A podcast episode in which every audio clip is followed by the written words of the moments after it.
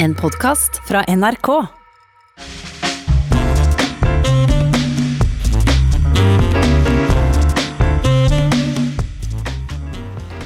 Ja, På min liste over tema vi har valgt til dagens sending, står det nå rett og slett Evert eh, Taube. Den eh, svenske trubaduren og visedikteren som gjorde den lyse nordiske sumaen til noe nesten heilagt. Han som priste lyset, dansen og menneska, og som fant form til den gode og fargerike historien i viseformat. Så velkommen skal du være, Lars Klevstrand, Norges fremste topptolker. Og det var dine ord. Ja, og de er sanne. Eh, men å snakke om Evert Taube og hans betydning, det er vel et naturlig valg når vi nå nærmer oss eh, sommeren? Ja, det er det. Eh, han må vi snakke om hele tiden. Han, han, han har jo innstifta sommeren, han. Den nordiske. Det er han som har pekt på skjønnheten i den og fått oss til å bli hjemme, så det passer jo ganske bra. Nå når vi skal være Nå hjemme? Nå som vi skal være hjemme, ja. Ja, for han framstiller den nordiske sommeren ikke som noe sjølsagt, men noe nesten sånn eksotisk og livsbejaende. Ja, og litt hellig, mm. på en måte. Eh, han, han, er jo en, en, som peker på skjønnheten i verden som en motkraft til alt det vonde. Han snakker ikke så mye om alt det vonde og svarte, men eh, han holder fram skjønnheten og kjærligheten som motkrefter. Og da er jo sommeren et bra sted å begynne. Ja, og samtidig så har jo Evert Taube vist seg svært så slitesterk. Altså Visene hans lever i beste velgående og vært sunget både på scene og blant eh, folk flest, eh, sjøl så mange år etter han døde. Ja, det er fordi han kombinerer det folkelige med det litterære. Og det musikalske er jo også en utrolig sterk faktor i dette her. Det er jo fantastisk å tenke på at han skrev selv om han lånte innimellom og tok med seg impulser utenfra osv. Så, videre, så så er det jo utrolig å tenke på at han skrev begge deler eh, i så stor grad. Eh, jeg pleier å si at hadde det ikke vært for Evert, så hadde vi ikke hørt alle disse fine melodiene fra Sør-Amerika f.eks. Nei, men han, han hadde en klisterhjerne når det gjaldt sånt, og tok med seg impulsene hjem og, og brukte dem eh, for alt de var verdt. Ja. Så argentinere sier jo at eh, en del av tangoene hans de er eh, perfekte. Argentinske tangoer. Ja, og Du reiser jo ganske mye i Argentina og har hatt mye kontakt med argentinsk musikkliv, så, så dette kjenner du? Ja, det, det, gjør jeg. Og jeg har det fra veldig kompetent hold, da, som har arbeidet med Everts musikk og, og, og, omplantet det i, i det argentinske. Eh, gjerne som akkompagnement til eh, Sven Bertil sine plater. Og Vi hører jo eh, melodiene, og vi hører en tåb, men lenge før det uttrykket var i bruk, eh, så dreiv han jo egentlig med sånn crossover, gjorde han ikke det? Blanda ulike musikalske tradisjoner, folkemusikk, eh, sjømannsvise, tangoen osv. Ja, altså han, han tok i bruk det han trengte. og man kan jo høre for seg impulsene fra hans oppvekst og ungdom. ikke sant? Det var, eh, det var ikke noe radio å snakke om, og grammofon og, eh, og sånn. Så man, man, gikk på steder. Det var kanskje Folkets park, det var kanskje på en restaurant hvor det var musikk. altså Uh, han snappet opp uh, wienervalsens uh, egenskaper, f.eks. Og igjen dette at han hadde sånt gehør for tingene. At, at han kunne sette seg ned og, og improvisere fram uh, ting som, uh, som han riktignok måtte ha hjelp til å notere ned, da. Mm. Og fikk god hjelp til uh, å organisere og harmonisere, ikke minst, av veldig bra folk. En av de mest kjente og brukte visene hans er jo Kalle Skjevens vals. Hva, hva, er bakgrunnen for den? Ja, altså, Det begynner egentlig med at han var jo mye hjemme hos Albert Engstrøm, forfatteren og, og, og humoristen. Ja. Teikneren. Teikneren, ja. Ute i Roslagen og var til og med forlovet med hans datter.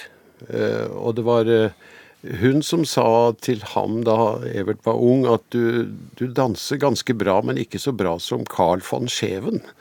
Så det var jo en, en uh, reell figur ute i skjærgårdslivet. og Evert bruker ham da som denne vidunderlige mannen som sitter der og, og lever rett og slett.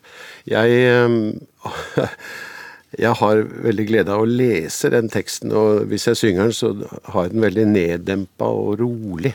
For eh, det er jo en vanvittig vakker tekst, da. Men du sier du har glede av å lese den. Kan, kan du ikke lese jo, den kan for det. oss? Men før vi starter, så Du vet, vi, vi liker jo svenske viser, og vi tror vi forstår alt sammen, men vi gjør jo ikke det. Det er jo en del ord her som kanskje ikke er så mye i bruk i svensk lenger heller, for den saks skyld.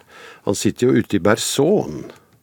Hva i all verden, ikke sant? Og det er, det er selvfølgelig et fransk låneord for en sånn løvsal, altså en sånn litt, lite lysthus av løv. Og så er det gunås. ikke sant? På jakt efter han gunås. Det betyr bare rett og slett eh, min sann. Eller eh, forvisst, eller sånn. Ja. I Roslagens famn på den blommande ö, där vågorna kluckar mot strand, där vassarna vagga och nyslaget hö det doftar emot oss ibland. Där sitter jag ute i Berson på en bänk och tittar på tärnor och mås som störtar mot fjärden i glitter och stänk på jakt efter födan, gunås. Själv blandar jag fredligt mitt kaffe med kron till angenäm styrka och smak och lyssnar till dragspelets lockande ton som hörs från mitt stugugemak. Jag är som en pojke, fast farfar jag är. Jag rospiggen spritter i mig. Det blir bara värre med åren det där med dans som i jäntornas blig. Se, måsen med löjan i näbb, han fick sitt. Men jag fick en arm om min hals.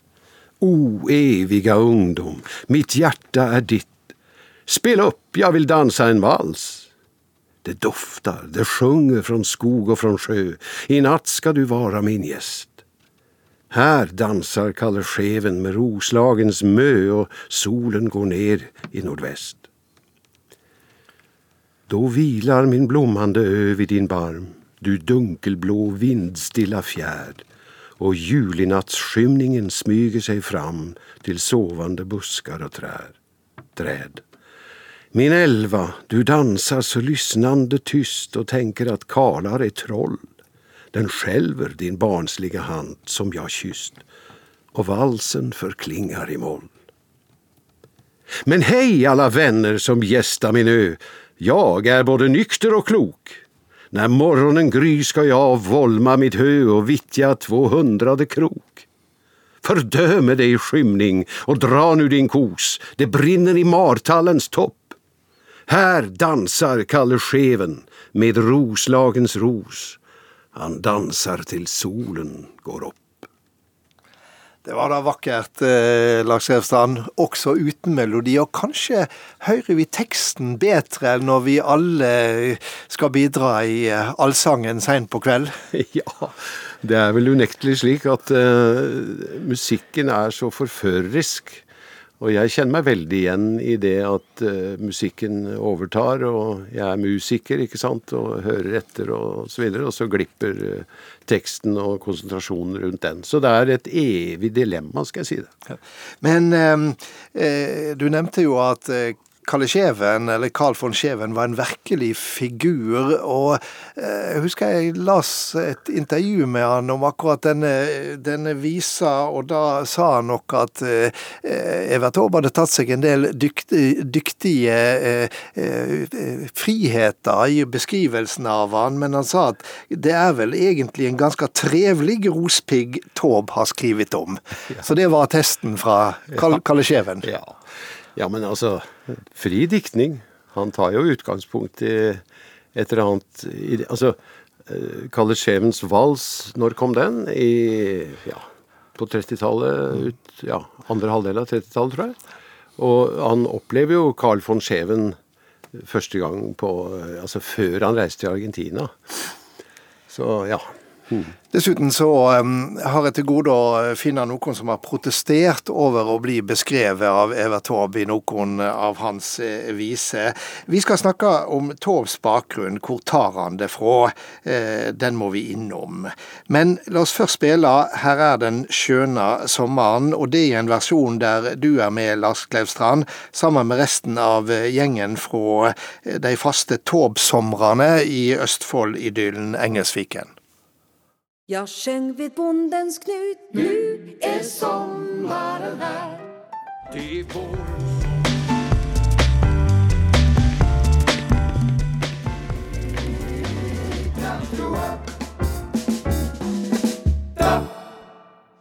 Ja, det var med den faste Taube-gjengen i Engelsviken med Hege Klevås Johannessen eh, som, som eh, hadde den mest eh, framtredende eh, stemma akkurat på i denne innspillinga. Og her sitter vi fremdeles Lakselvstrand, med Evert Taube som midtpunkt, og det trivdes han vel for så vidt godt med? Ja, det kan du vel si. Han var glad i å være midtpunkt. Han var vel litt av en posør, for å si det rett ut. Altså, og, og, en kanskje vi kan kalle ham en jålekopp. Og elsket å menge, seg med skipsredere og grever og baroner. Eh, særlig sånn på 20-tallet, da han eh, liksom eh, breia seg i det stockholmske sosietetsliv. Um, å være midtpunkt, ja, det, det må man jo like når man er uh, artist, da. Men hvor tok han det fra alt eh, sammen? Han, han kom ifra en fyrvokterfamilie eh, på, på, den svenske skjærgården. Ja, Eller vestkysten, unnskyld. Ja. Nei, altså, den derre kjærligheten til naturen, f.eks., til og den litt karrige bohuslenske eh, naturen, den, den får han jo som barn. altså Han krabber jo rundt i lyngen der og snuser på blomster og tar inn tar inn sterke inntrykk. Og, og mora hans fra Strømstad gikk og trallet og sang gjerne på bedehussanger og den slags. Så f.eks. Uh, 'Flikkan i Havanna' det er jo en eh, bedehusmelodi. Men ikke bedehusinnhold? Nei, ikke akkurat. Nei. Men det var vel også der han Og historien, unnskyld. Ja, historiene fra uh, sjøfolk som gikk i land der. Og kanskje det var skipsforlis, f.eks. Og man, han hørte jo historier. Og han satt på kneet til Fridtjof Andersson. Det var jo en, også en sjømann da, i sin tid. Ja, fordi at det er vel av den oppveksten at kommer denne nærheten til havet mm. og til elementene. Mm. Både i røff og i, i, i eh, mer eh, fin og, og, og, og, poetisk form. Ja, altså han knytter seg jo veldig til det bohuslenske landskapet og, og folkene som bor der. Så jeg pleier også å si at jeg syns han nesten er på det varmeste når han eh, skriver eh, vestkystvisene sine.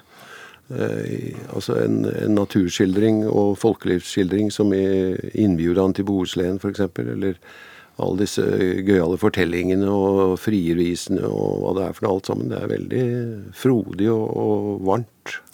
Kjærlighetsfullt. Og, og samtidig så er det jo folkelige historier i ei eh, usedvanlig formsterk og, og elegant eh, innpakning. Ja. ja. Han er eh, veldig god litterært, men veldig og like opptatt av eh, folkeligheten. Altså Den kombinasjonen var han, eh, strebet han etter hele tiden. Ja, byter inte bort folkets kjærlighet mot det at kalles stor, sa han en ja, gang i, i sin verst. irritasjon over at de fine innenfor svensk litteratur ikke ville verdsette han godt nok. Ikke sant, der har du det. Han, han vektla det veldig. Men så sa han vel også denne skjærgårdsskiten om skjærgårdsvisene sine i, i, i, et frustrert eh, øyeblikk. Han mente de skygger for hans litteratur. Ja, ok. Jo, jo. Altså, han, han strever jo med de større formene. Han er en aldeles utmerket prosaist og reise, reisebokforfatter. Og hans strandhogg i Bohuslän eller i, i Ligurien og Provence og hans fortelling om sin store reise i trubadurenes fotspor, eh, altså litt, mm. middelaldertrubadurene, da. Altså Alt dette er jo strålende litteratur. Eh, og sånn, og han prøvde seg på roman og skuespill. Kanskje ikke så vellykka.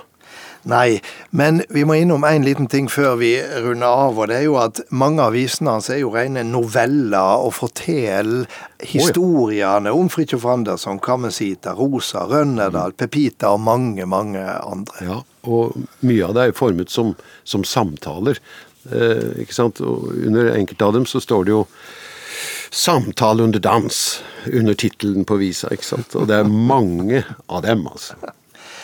Meningen med virkeligheten er at den skal bli til poesi, skrev Evert Taube i, i, i en av tekstene sine. Og det kan vel trygt sies at han gjorde alvor av? Ja, det må jeg si. Det lykkes han ganske godt i. Han eh, pakket nok inn virkeligheten i, i sine skjønne formuleringer, og fikk det til å bli veldig vakkert for oss.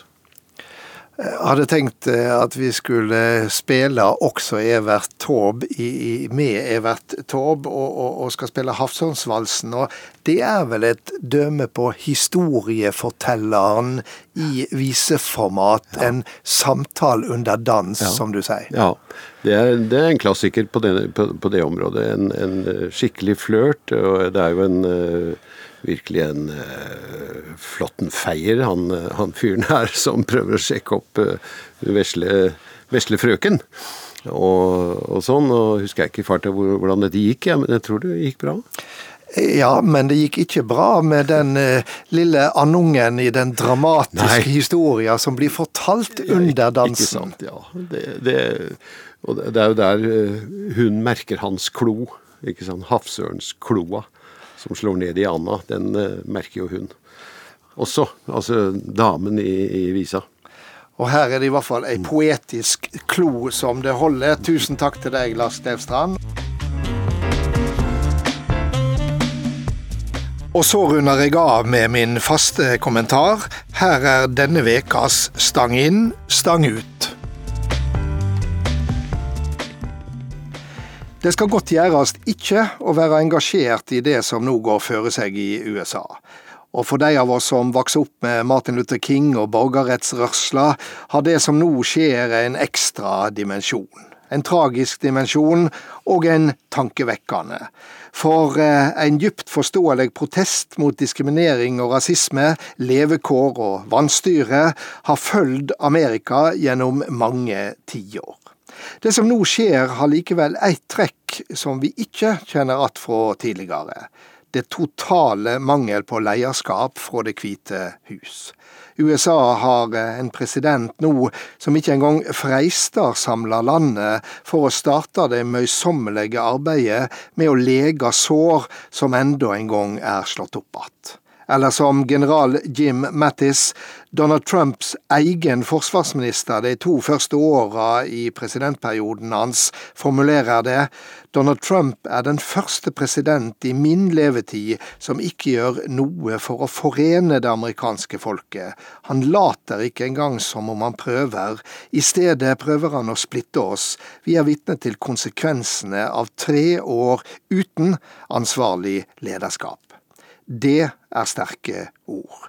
Orda får særleg vekt av de det ikke kjem fra en politisk motstander, men fra en som sa ja til å være med i regjeringa hans, men som også så at det ikke var mulig å forsvare en president med en leierstil som kynisk spiller på motsetninger, dyrker fiendskap, æreskjeller kritikere, fråskriver seg ansvaret og sender ut en daglig twitterstorm med bløff, forvrengde fakta, ufine karakteristikker og tirader av sjølvros.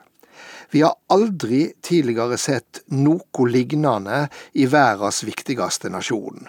Og det er ikke akkurat noe vakkert syn, snarere er det skremmende. Nå er det krisetid. Koronapandemien skapte ei djup krise også i USA. Protestene etter drapet på George Floyd sender en ny krise på toppen av denne. Det er, det er i krisetider en leder går opp til eksamen. Det er da det syner seg hva som bor i den fremste representanten i en nasjon, og dagens mann i Det hvite hus står til stryk. Han har vist at om han aldri så mye er president, ja, så dug han ikke som leier med stor L. Det ligger en lærdom i dette for velgere i alle demokratiske land. Ei åtvaring mot å la seg forføre av demagoger som dukker opp av så ymse slag. De viser seg gjerne karakterløse og forlegge når de vanskelige dagene kjem.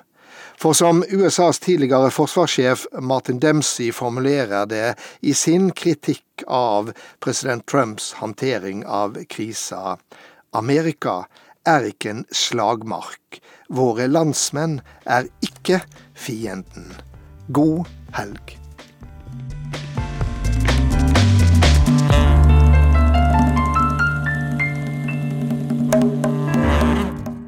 Du har hørt en podkast fra NRK. Hør flere podkaster og din NRK-kanal i appen NRK Radio.